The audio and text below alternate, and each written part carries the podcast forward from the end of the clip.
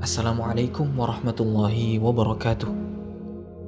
Hai kawan-kawan semua, aku Ibrahim dan kali ini kita akan membahas tentang sebuah bahasan yang ringan tapi semoga aja berisi, yaitu tentang maksiat. Seringkali aku bingung dan heran sama diriku sendiri, yang setiap hari pasti ngelakuin maksiat. Apa sih yang membuat aku bisa konsisten bermaksiat kepada Allah? Hari-hari aku lewatin tanpa bisa lepas dari melihat apa yang Allah larang. Berkata buruk, bahkan terkadang spontan aja gitu terucap. Menggibah. Kadangkala aku juga berbohong. Dan juga gak jarang aku nyakitin hati temanku dengan kalimat yang kurang enak didengar. Astagfirullah. Kenapa ya begitu gampangnya aku berbuat dosa? Padahal aku sholat setiap hari. Lima waktu subuh, zuhur, asar, maghrib, isya, gak ada yang aku lewatin. Bahkan gak jarang aku berjamaah di masjid. Sedangkan dalam surat Al-Ankabut ayat 45, Allah berfirman, Inna salata tanha anil fahsya'i wal munkar. Sesungguhnya, solat mencegah pelakunya dari perbuatan keji dan mungkar. Kenapa ya seolah-olah berlainan? Ternyata, memang solatku yang belum sempurna belum berkualitas. Aku belum bisa fokus dengan sholatku. Aku belum bisa memahami betul apa yang aku baca di dalam sholat. Dan aku masih sering membayangkan hal-hal lain duniawi ketika aku sholat. Maka aku selalu berdoa kepada Allah agar memberiku nikmat layaknya Nabi Yahya dan istrinya. Nikmat khusyuk dalam sholat dan berdoa kepadanya. Selain karena sholatku yang belum sempurna, Ternyata bermaksiat memanglah tabiat manusia. Manusia akan selalu berlumuran dosa setiap harinya. Seperti apa yang terdapat pada hadis Qudsi yang sering kita dengar. Ya ibadi, innakum tukhti'una bil-laili wan-nahar wa an aghfiru dhunuba jami'a fastaghfiruni aghfir lakum.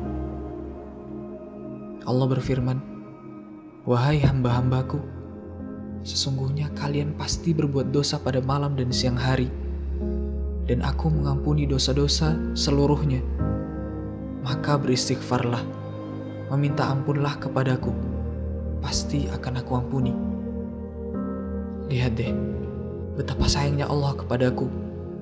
Aku menyakitinya, aku mengkhianatinya, bahkan aku membohonginya.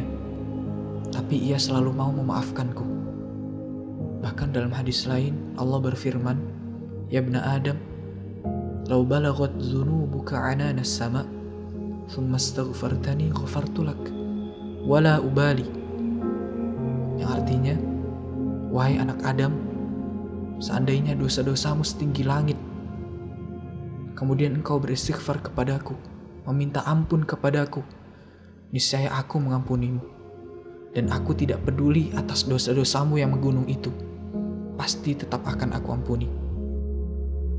Kawan-kawan sekalian, tanda bahwa Allah itu Ar-Rahim, Allah itu Maha Penyayang kepada hamba-hambanya, adalah dengan membuat kita merasa takut dan menyesal atas maksiat yang kita perbuat.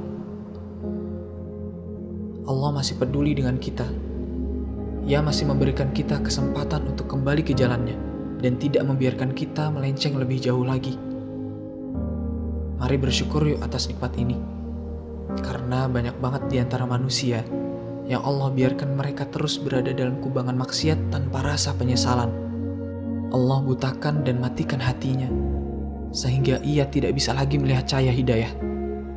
Padahal cahayanya meliputi seluruh penjuru timur dan barat. Padahal cahayanya bersinar sepanjang masa, sampai nanti Allah hilangkan cahayanya ketika matahari terbit di barat. وزين لهم الشيطان أعمالهم فصدهم عن السبيل فهم لا يهتدون dan setan membuat mereka merasakan kenikmatan atas dosa-dosa mereka sehingga amalan mereka menghalangi diri mereka dari jalan Allah maka mereka tidak akan mendapatkan petunjuk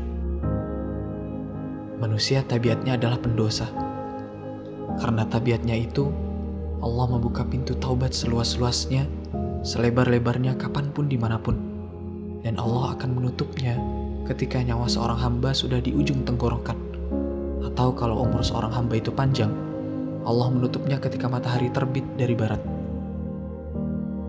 Gak ada yang tahu kapan ajal akan tiba. Gak aku, gak juga kamu.